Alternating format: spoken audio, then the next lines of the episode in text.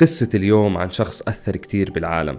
شخص ذكي كتير وغريب بنفس الوقت. قصة اليوم بعنوان صانع الحلم. هاي القصة فيها عبرة رح نستفيد منها ونتعلم منها.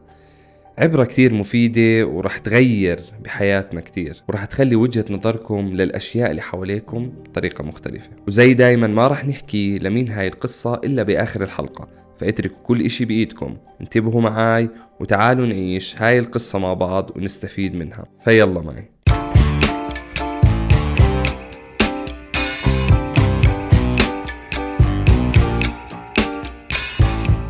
السلام عليكم ورحمة الله وبركاته. أهلا وسهلا فيكم بقناة قصة إنسان. القناة اللي بنتناول فيها قصة بغض النظر إن كانت قصة حقيقية قصة نجاح قصة تاريخية أو قصة عاطفية بس الأهم إنه ناخد منها العبرة والاستفادة اللي ممكن نطبقها على حياتنا وعلى تفكيرنا. معاكم محمد طقش إذا عجبتكم فكرة القناة شرفونا باشتراككم ويلا معي. الشخص اللي بنحكي عنه اليوم انولد في أمريكا في ولاية أوهايو عام 1847 وكان السابع من إخوانه. كان عايش في عائلة فقيرة نوعا ما. ولما صار عمره سبع سنين اضطروا أهله إنهم يطلعوا من ولاية أوهايو الصغيرة لولاية أكبر اللي هي ميشيغان عشان يروحوا يشتغلوا ويدوروا على فرصة أحسن للعيشة. لما وصلوا ولاية ميشيغان سجلته أمه في مدرسة محلية بهديك المنطقة وهو بطبعه كان ولد فضولي كتير ودائما بيعمل مشاكل وما كان بتأقلم بسرعة على الجو اللي هو فيه وعلى الناس اللي موجودة حواليه. واستمر بهاي المدرسة لمدة ثلاثة أشهر كان كل يوم في ملاحظة عليه لأهله إنه ما بيركز إنه ما بيهتم. مش الطفل اللي بيركز وبيحاول يدرس وبيحاول يعطي أهمية للمدرسة. على العكس تماما كان ما بيعطي أهمية للدراسة تماما وما كان بيعطي أهمية للمدرسين اللي بيعطوه. فبيوم من الأيام بعد ما مرت عليه ثلاثة أشهر في المدرسة بعتوا المدرسة رسالة لأمه. فقرأت أمه الرسالة قدامه بصوت عالي وكانت الرسالة بتحكي ابنك عبقري. ونحن مدرسة متواضعة والمدرسين عنا ما بيعرفوا يتعاملوا مع ولد عبقري وولد ذكي زي ابنك.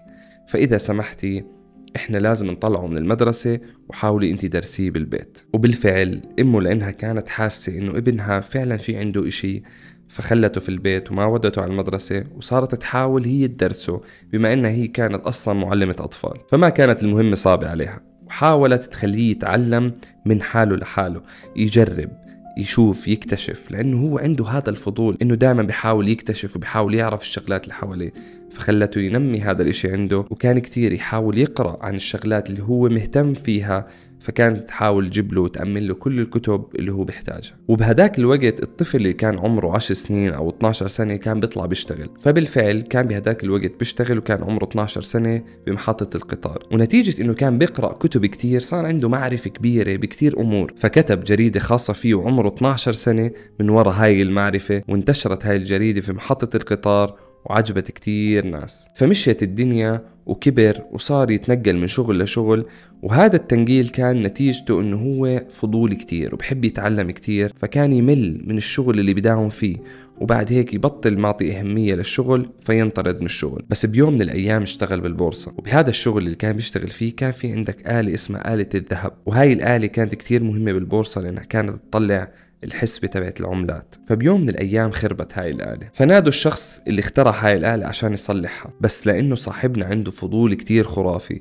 راح يحاول يصلح هاي الآلة. فأعجب فيه الشخص اللي اخترع الآلة وشاف إنه هو جد بفهم بهاي القصص. فأخذوا معاه وشغلوا معاه وأعطاه بهداك الوقت راتب 300 دولار عشان بس يتفرغ للاختراعات والابتكارات. ومن هون بلش نجاح هذا الشخص وبلش يكبر بطريقة خرافية بالعالم وصار من أكبر وأنجح الناس بالعالم. وعشان أثبت لكم قديش كان هذا الشخص مهووس إنه يتعلم وقديش كان عنده فضول خرافي وقديش كان ذكي ما كان ينام زي الناس الطبيعيين. كان ينام بحد أقصى أربع ساعات باليوم. حتى إنه لما كان يروح ينام كان يحط بإيديه تنتين كرات.